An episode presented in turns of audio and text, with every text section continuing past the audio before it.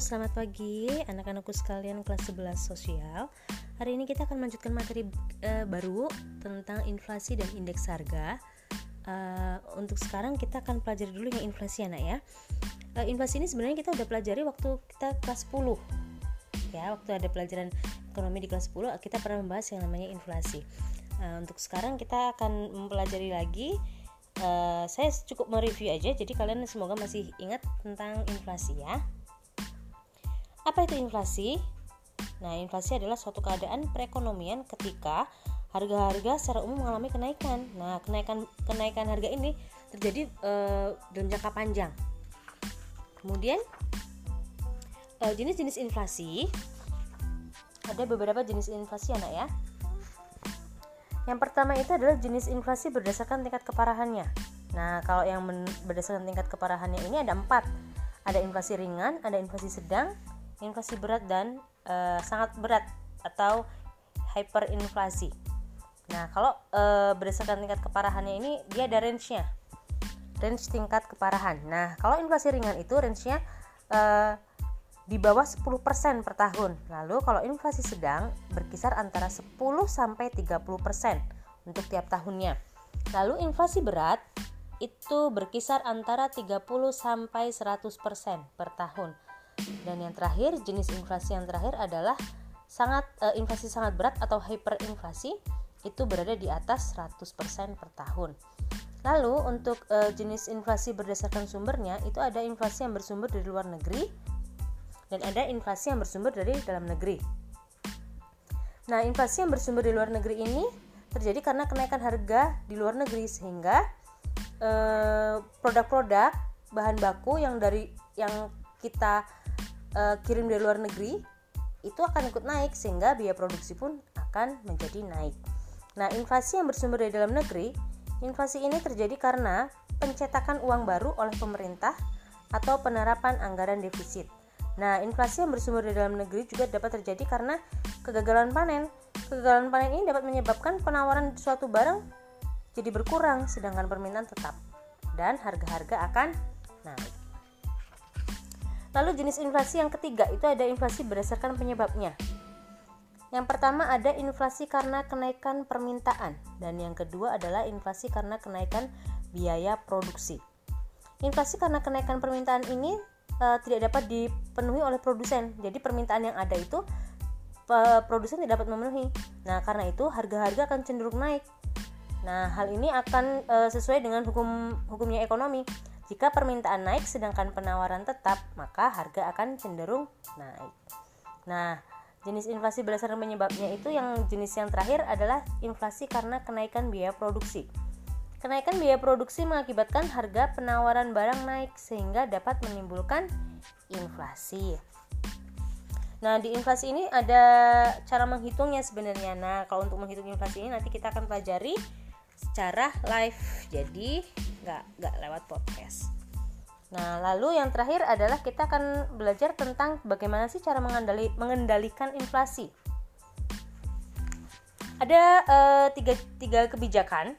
Yang pertama adalah kebijakan moneter, yang kedua adalah kebijakan fiskal, dan yang ketiga itu adalah kebijakan lain di luar kebijakan lain di luar kebijakan moneter dan fiskal. Yang pertama kita bahas adalah kebijakan moneter. Nah, kebijakan moneter ini uh, adalah kebijakan yang dilakukan oleh uh, Bank Sentral atau Bank Indonesia. Nah, di sini ada ada tiga jenis kebijakan.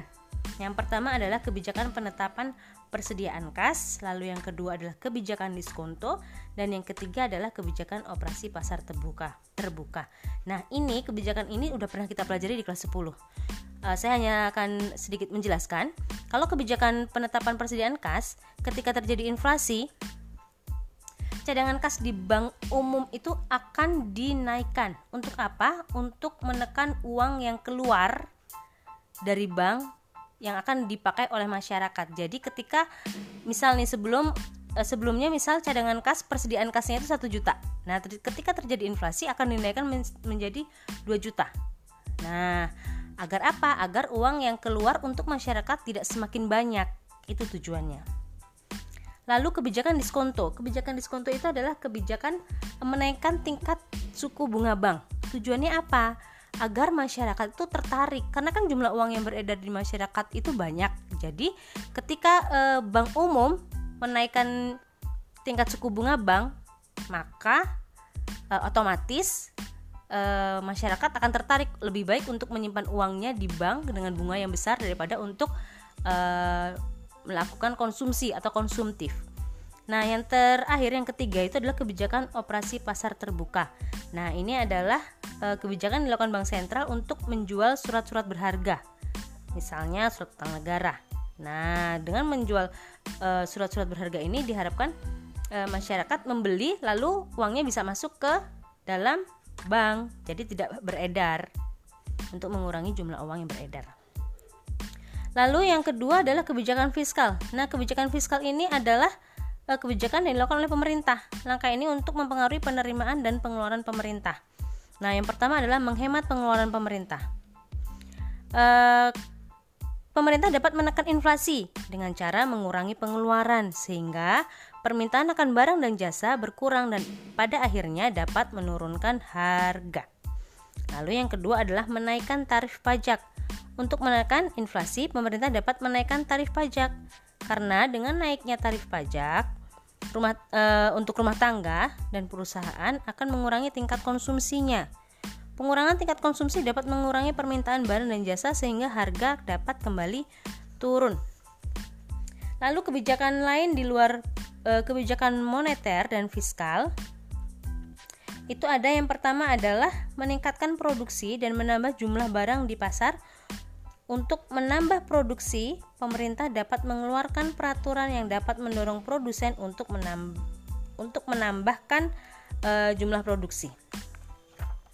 Lalu yang kedua, selain ada kebijakan moneter dan kebijakan fiskal, tadi, ada yang namanya menetapkan harga maksimum untuk beberapa jenis barang atau harga eceran tertinggi. Itu dapat e, menekan inflasi. Nah, sampai di sini dulu, Nak, karena sisanya nanti adalah materi-materi uh, hitungan. Jadi nanti akan kita lanjutkan secara live lewat Google Meet ya. Itu ada tentang indeks harga. Itu adalah materi hitungan. Nah, nanti kita akan pelajari. Oke. Nah, selamat belajar.